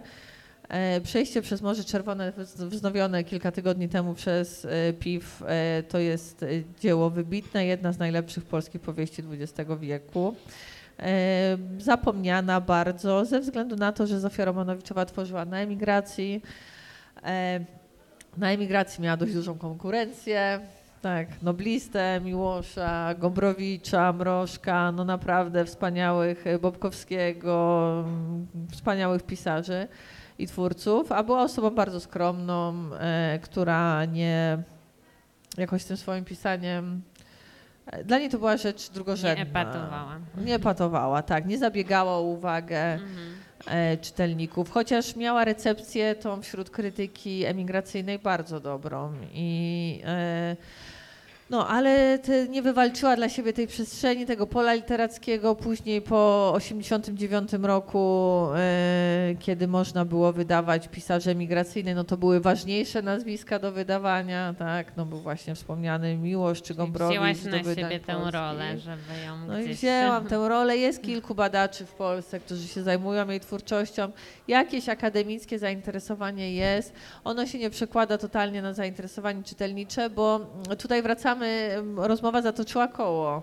Bo dostępność, bo jej książki są w Polsce po prostu niedostępne. No poza e, dwoma wznowieniami, które w ubiegłym roku Szklana Kula, bardzo zła powieść, bardzo się na piw zdenerwowałam, że zaczęli wznawiania Szklaną Kulą, która jest powieścią średnią. No bo jak ktoś przeczytał w zeszłym roku tą na przykład Szklaną Kulę Nieszczęsną, taka średnia ta pisarka, a więc jak teraz wyszło arcydzieło, no to Okej. już może nie sięgnie, bo czytał tą Szklaną Kulę Nieszczęsną i, e, i może się zrazić. Znaczy to nie jest zła powieść ta Szklana Kula, ale, ale, ale no nie jest arcydzielna, natomiast Przejście przez Morze Czerwone bardzo polecam. Jeśli e, jest Państwu bliski nurt, w szczególności egzystencjalistyczny w literaturze, jeśli lubią Państwo książki Alberta Camus, no to to jest bardzo kamisowska powieść z ducha, ale nie epigońska, e, nie naśladowcza. E, Zresztą w Polsce ze względów politycznych e,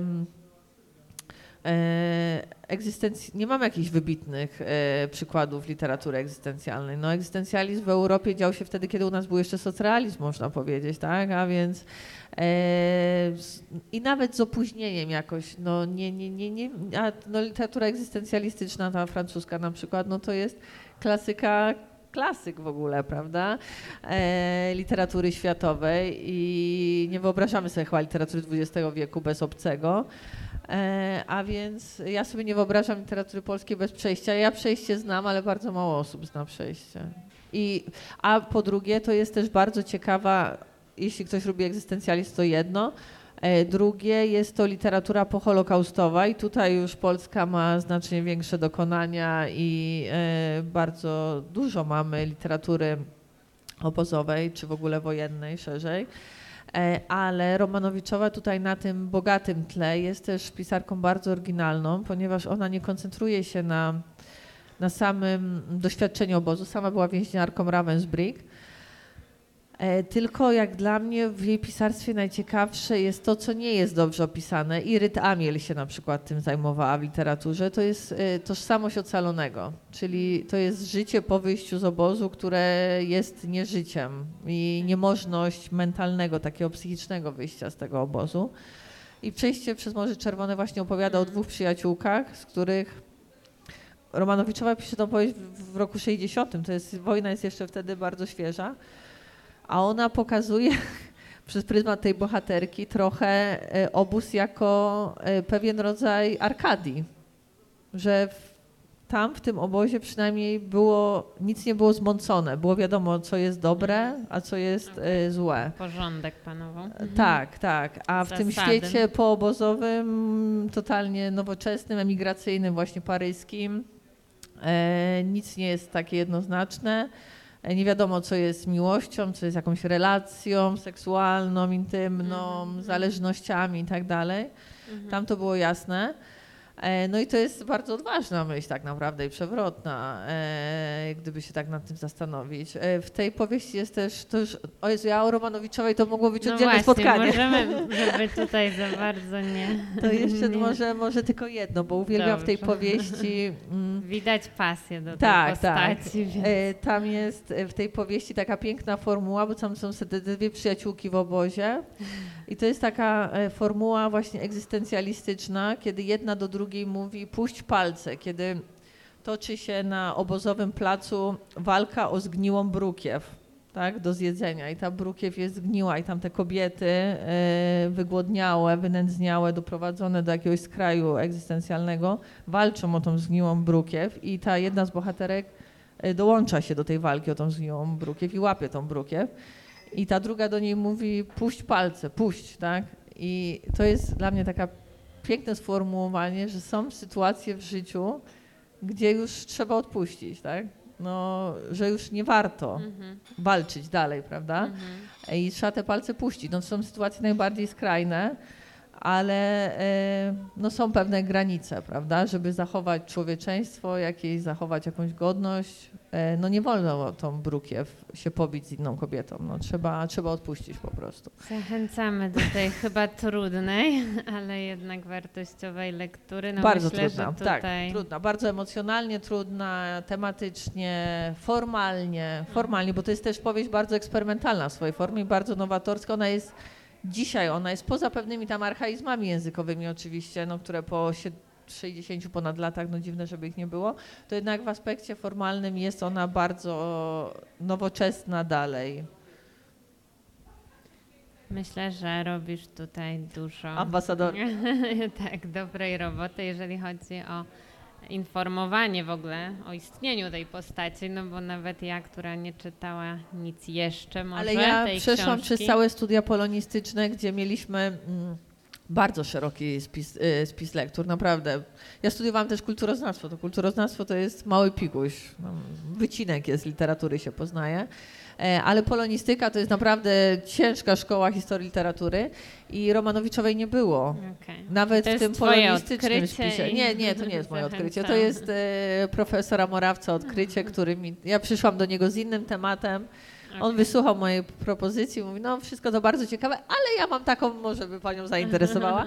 Ja wtedy dostałam od niego kserokopię Słońca dziesięciu linii, trzeciej powieści Romanowiczowej. Kserokopię, bo nawet on nie miał książki, bo dostępność, tak? E, No i mówię, niech pani sobie to przeczyta. No i sobie w tej kserokopii to przeczytałam i mówię, jej, to jest naprawdę bardzo dobre i czemu ja tego jeszcze nie znam? I, i, I z tego powstał doktorat, drodzy tak, tak, Państwo. z tego powstał doktora. Zawsze mam na końcu jeszcze to pytanie o inspirację, ale myślę, że w tym przypadku naszej tej wielowątkowej rozmowy, no to została z nami już nie tyle nawet inspiracja, co bardzo konkretne zalecenie, co mamy robić i ile dziennie. Czytać 30 minut dziennie Zofię Powtórzmy, Romanowiczową. tak. 30 stron Zofii Romanowiczowej dziennie. Okej, teraz zrobiło się bardziej precyzyjnie, bo było po prostu 30 stron. Teraz, drodzy Państwo, Zofia Romanowiczowa, powtórzmy. Umawiałyśmy się, że to wywołasz w Autorka. ogóle ten temat. To, to, to, to popsuło teraz całe to spotkanie, bo tak było wesoło i Rozwinęło fajnie, myśl, a teraz tak, jakiś tak. obóz w ogóle. i Dlatego wróćmy już. Kto będzie chciał, to zajrzy. Myślę, że przeżycie wartościowe, ale może faktycznie już nie na dzisiejszy wieczór. Zostawiam trochę przestrzeni Państwu, także jeżeli jest coś, o co nie zapytałam, a bylibyście, byłybyście ciekawe, to teraz jest ten moment. Chętnie też podzielimy się mikrofonem. Tu Marta jest pomocą. Dziękuję. Ta kwestia nie była poruszona dzisiaj, a mnie na przykład bardzo niepokoi, jak ostatnio na LinkedIn, LinkedIn czytam, że artykuły powstają ze sztuczną inteligencją.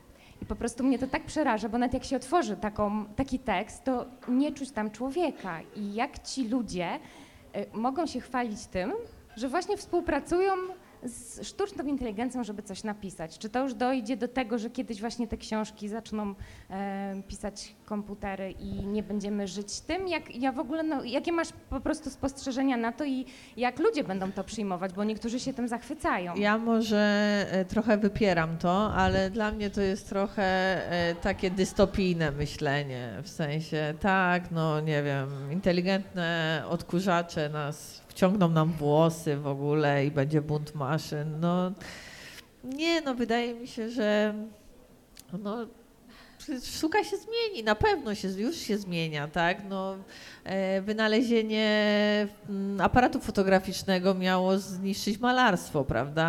E, no, Tak. zniszczyło malarstwo figuratywne na pewno. Film no, miał zniszczyć radio. Film miał Tak, zniszczyć tak. radio czy literaturę, tak? E, No, będą te formy ewoluowały. Ja też tutaj nie czuję się jak gdyby e, intelektualnie w mocy, aby to przewidzieć, ale no wydaje mi się, że to jest taki etap trochę jak właśnie z aparatem fotograficznym. No, na pewno wpłynie, no, bo malarstwo figuratywne e, przeszło załamanie i nie wróciło nigdy do swojej, e, nie, nie było jakiegoś neo neoklasycyzmu jakiegoś, Mieliśmy czy tu malarza neorealizmu. figuratywnego, Jacka Świgulskiego, No, margines. No, no, ale, ale, ale dzięki, dzięki wynalezieniu może aparatu fotograficznego przy, przyspieszyło to całą wspaniałą sztukę awangardową, prawda? I ona jest wspaniała, jest intelektualnie dużo ciekawsza, może warsztatowo jest y, gorsza, powiedzmy, tak? E, Ale, e, ale jest intelektualnie bardziej wymagająca. Biblioteki nie będą kupować książek napisanych przez No nie, no jest teraz, no mamy te, e, może to jest jeszcze taki etap pośredni, nie? no mamy tą literaturę teraz powsta- powstającą w blogosferze w ogóle, na Wattpadzie na przykład, tak? I to jest wydawane też w formach książkowych. E, no i też niektórzy sobie załamują ręce, że to takie słabe jakościowo i tak dalej. No, no jakiś tam etap, jakiś rodzaj, e, no sztuka się obroni raczej. Na pewno jako, jako funkcja umysłu w ogóle, no to pewnie Agnieszka mogła lepiej odpowiedzieć jako specjalistka od pedagogiki twórczości, e, ale jako jakoś pewna, pewna Też zdolność. się nie boję, jak ktoś mnie pyta sztucznej inteligencji. No, tak, ale jest- y, taką jakąś wiadomość przeczytałam, że y, czy zgłoszona jest jakaś właśnie e, twórczość sztucznej inteligencji do Nagrody Nobla. No i to w ogóle dla mnie jest troszeczkę absurdem, tak? Znaczy ja też tak to widzę, że no nie wiem, nie mam właśnie takiej wiedzy technicznej, no ale mimo wszystko sztuczna inteligencja bazuje na tym, co człowiek wymyślił i tylko tam się kończy. No nie może przecież być transgresyjna w takim, prawda, twórczym sensie. No No tego więc się ona może trzymajmy. tylko kompilować te algorytmy, i te replikować dane, które jakoś się tam to, co pozyskała, tak? No a więc. No czyli dalej piszemy, tworzymy. Piszemy, aha, chodzi, Zachęcamy do czytelnictwa. chyba, że sensem pytania było, tak już nie musimy pisać. O nie, nie, nie, nie. Sztuczna inteligencja to za nas zrobi. Sztuczna inteligencja może napisze, ale nie przeczyta Można za tą was. książkę wrzucić, żeby skończyła. To jest, to jest dobry klub. E, no Ale tak, no jest to wątek na pewno ważny, jak najbardziej na czasie, więc warty przynajmniej, aby wypłynął. Może na jakieś inne spotkanie. Oczywiście. No to Gdzieś- ja dziękuję. Dziękujemy za pytanie bardzo, bardzo i za odpowiedź. Czy jest jeszcze jakieś? Nie wiem, jak z tą inteligencją sztuczną jest, ale mój syn jest tym bardzo, bardzo zajęty, ponieważ jest projektantem, więc siedzi. Najpierw był przerażony i w tej chwili ostatnią opinię mm, to mam taką, że stwierdził, że trzeba się tego nauczyć, ponieważ to może pomóc.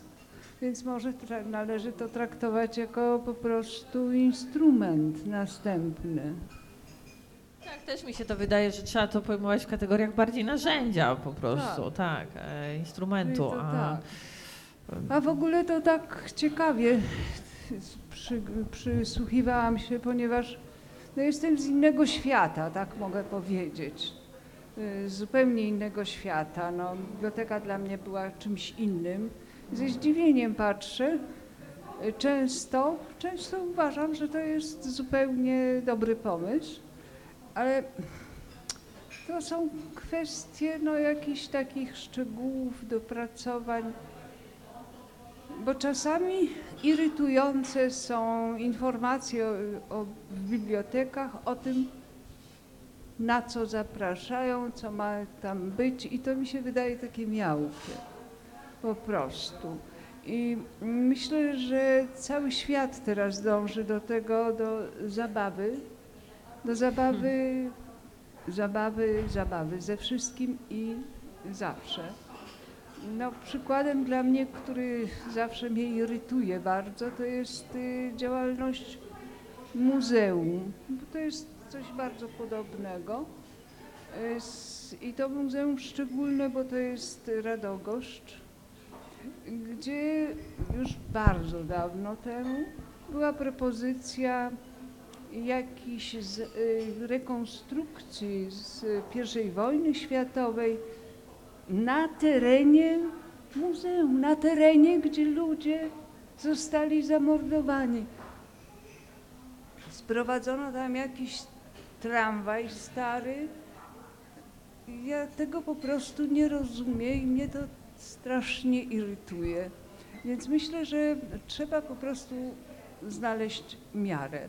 To, co Pani mówiła o wpływach szwedzkich bibliotek, wyobrażam sobie, że to świetny pomysł i jednocześnie wyjaśnienie tego y, zdarzenia. No, wiadomo, że Szwecja jest y, krajem słabo zaludnionym. Małe osiedla, odległe od na przykład jakichś większych skupisk. Myślę, że taka biblioteka, gdzie się można młotki pożyczać i różne inne rzeczy robić, to jest świetna. No to jest coś y, świetnego, tak jak na wsi. To Młotkoteka. może być też biblioteka takim miejscem właśnie różnorodności. Tylko kwestia no po prostu tego, że biblioteka to jednak książka. Znaczy może do, do tych młotków, bo też jak pani mówiła o, trochę o tych warunkach e, Szwecji i innych społecznych trochę, Tak, no to też się przecież mówi o Szwedach, że oni są społeczeństwem dość takim wyalienowanym. Bo tak. może w idealnym świecie to powinno być tak, że powinno się iść ani, nie ani do sklepu po ten młotek, ani do biblioteki po ten młotek, bo to też jest egzotyczne. No tak. Powinno się zapukać do sąsiada, nie? No to by było najprostsze, ale no nastąpi, następuje jakiś rozkład takich tego typu No więzi tak, społecznych, więzi, tak? E, nie wiemy, kto mieszka obok, nie znamy tej osoby, a tym bardziej no nie Nie pójdziemy. zapukamy i nie nie, zapukamy. poprosimy o młotek. Tak, no to by było mega dziwne, a tak naprawdę to powinno być takim najbardziej naturalnym, a więc ja nie mówię, że to jest, em, że to jest jakiś super, ale no to jest właśnie też to, co staram się mówić, że to jest jakaś odpowiedź na jakieś potrzeby. No w idealnym świecie biblioteka byłaby skarbnicą wiedzy, świątynią książek i tak dalej, a młotek pożyczalibyśmy od sąsiada. Ale niestety e, nie, nie żyjemy w idealnym świecie i jakoś te biblioteki starają się dostosowywać. Też często muszę pani powiedzieć, że to, że biblioteka jest małą instytucją kultury, małą w sensie jedna filia, no bo ogólnie to jest największą, dostępną i tak dalej. E, I to, o czym mówiłam, że zachęcamy czytelników do inicjowania rzeczy, tak? A więc nie uwierzy, pani jest wyjątkiem. Ja panią znam, przecież pani przychodzi do nas. Mamy grono staruszek, seniorek, które przychodzą i się domagają jogi i pilatesu. I my im tłumaczymy, że u nas w bibliotece nie będzie jogi. A no bo one były tam w innych bibliotekach i tam były jogi, ale ja im tłumaczę, że no, o, pan jest czytelnik Biblioteki Wolność, nie, nie na jogę przychodzi, tylko na spotkania autorskie głównie, różne ciekawe. No a one chcą tą jogę. I ja tak naprawdę, jakbym nie realizowała swojego autorskiego programu, tylko faktycznie bym szła za tym czytelnikiem, Za trendami. To ja to powinnam- byś była na tak. kursie jogi teraz. Ja jestem trochę nieuczciwa, bo tak trochę mówię o tym, że to jest oddolne i zapraszające, ale trochę tam staram się kreować jakąś tą ofertę. Ale ta oferta, Dyrektor ma coś do powiedzenia. no te seniorki są strasznie rozczarowane, że u nas tej jogi nie ma i no i nie będzie, no chyba, no chyba, no, no nie, raczej nie będzie tej jogi, ale Nie za twojej kadencji. e, tak, ale to często właśnie jest oddolna potrzeba. No Oddolna. tak, No, no to jest e, to, że no właśnie tutaj partner nasz za ścianą, e, no jednak e, ma świetną pewnie ofertę sportową, ale ona jest odpłatna. No i tu znowu wracamy do no tego, tak. że biblioteka jest, nie ma sal jogi czy fitnessu osiedlowych na przykład, klubów sportowych osiedlowych. No nie ma. Tak, no musimy zostać w jakichś ramach jednak. Tak, jakby prawda? były kluby osiedlowe, sportowe, to nie musiałyby być jogi w bibliotece. No a, ale są osiedlowe są głównie tylko biblioteki, jest trochę domów kultury, e, kawiarnie. Może pan by chciał jogę. Naprawdę, jest grono odbiorców. Po inspiracjach o 21 zostawałaby grupka na A jogę. Romanowiczowa jest w bibliotece? Y, Szklana kula jest, czyli ta w zeszłym roku wznowiona powieść, bo oczywiście kupiłam. Teraz przejście będzie w tym nowym zakupie. Który... Dobrze, to to już są pytania takie zakulisowe, czy coś jest w bibliotece, więc z tym zostawię jeszcze, e, myślę, panie, tak. No właśnie, zostawmy jeszcze sobie może te pół godziny, póki kawiarnia jest czynna, żeby ewentualnie jeszcze sobie porozmawiać e, tak od kuchni, czy może jeszcze dopytać, co tam macie w ofercie, a czy yoga, czy basen nie można by tam gdzieś wcisnąć na zapleczu. No cóż, e, także bardzo dziękuję za te pytania. Dziękuję Pani Magdo, dzięki Monika, dziękuję wszystkim obecnym. No przede wszystkim dziękuję Tobie mm, Natalio, bardzo, Dziękuję bardzo. za zaproszenie. Dziękuję, że je przyjęłaś E, i dziękuję za podzielenie się tyloma naprawdę, myślę, ciekawymi informacjami. Dla mnie to były też odkrycia i jakby zupełnie inaczej będę teraz patrzeć na ideę biblioteki, którą oczywiście kocham jako, jako od- czytelniczka książek od zawsze, ale ale jak będę mówić innym nieczytającym, to myślę, że ten obraz, który jestem w stanie przytoczyć, będzie już bardziej kolorowy i być może bardziej zachęcający. Zostawmy, y, y, zostawiam Was, zostawmy się z tą inspiracją, aby minimum te 30 stron starać się czytać dziennie. Myślę, że to bardzo w ogóle ta inspiracja jest taka budująca, ale też właśnie jest świetna w tej, w tej precyzji, tak? No bo czasem mamy takie górnolotne, że właśnie spełniajmy marzenia, Tak, no czy coś, a to nie, cele, dosta- mus, cele muszą być konkretne, Dokładnie, mierzalne i dokładnie. tak dalej. A inspiracje być może takich, też, tak? tak. To nie można jak sobie czytam albo nie czytam. No nie, no konkretnie, tak? Tak, bo te no. moje inspiracje właśnie, a to spełnij marzenia, słuchaj serca, a tu mamy 30 stron dziennie, proszę Państwa, także Dla zdrowia Także i urody. nie i- można się tego... Może, przepraszam, że spóźnienie, może już padł ten temat. Sie- sie, sieć, czy ta sieć tych bibliotek nie jest za gęsta? To jest bardzo dobre pytanie. Łódź ma e, największą sieć bibliotek miejskich w Łodzi. E, w Gdańsku i w Krakowie mamy po około 30 filii bibliotek. E, w Łodzi jest 58 od 2018 roku i tak e, zredukowana to jest liczba z 70 paru. E, Zamknięcie każdej filii łączyło się z ogromnym oporem mieszkańców. E, Większość filii była zamknięta ze względu na dostępność, czyli były na przykład na pierwszych piętrach w budynkach e, bez możliwości montażu windy. A więc to je z automatu jak gdyby przekreślało. Dla niektórych były szukane nowe lokalizacje, niektóre zostały po prostu zamknięte. Jest, a więc jest to duża sieć. Mogłaby być pewnie mniejsza, ale też są, można wejść na stronę Biblioteki Miejskiej w Łodzi, biblioteka.loc.pl.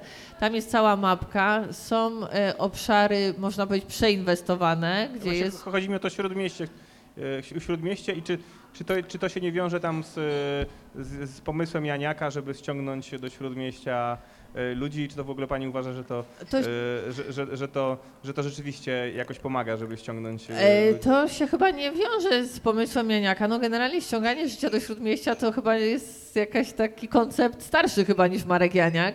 E, ale tutaj wracamy do e, początku właściwie, e, czyli do tej idei trzeciego miejsca. E, no Śródmieście... To jak- trzeba będzie wysłuchać podcastu, Tak, początku tak, naszej tak. rozmowy. E, Te biblioteki w Śródmieściu, one nie mają dużych księgozbiorów. One są po prostu miejscami, propozycjami miejsc.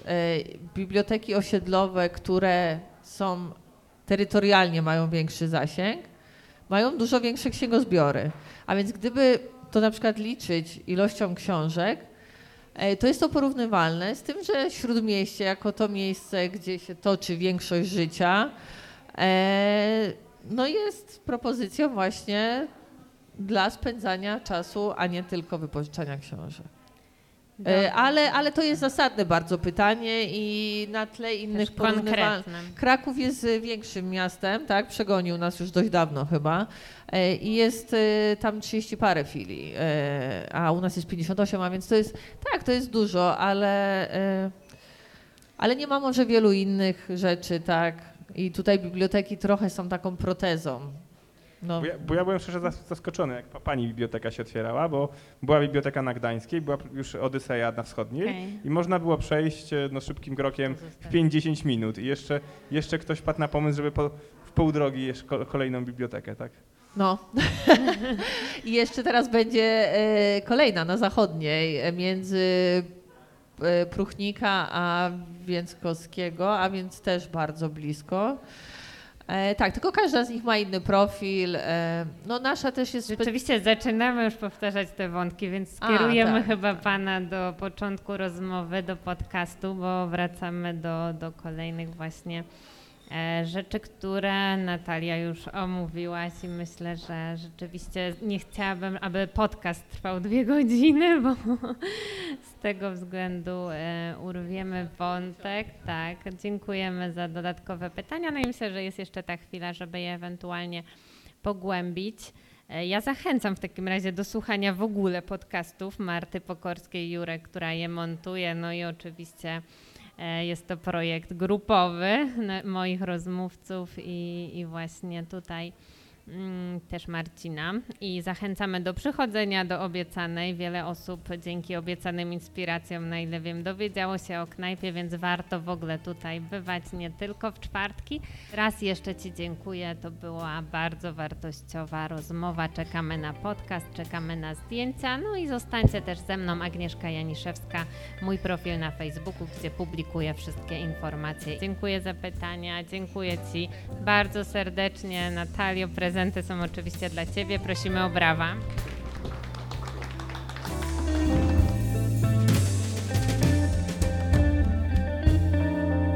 Był to podcast Obiecana rozmowa przy kawie, którego gościnią była dr Natalia Królikowska.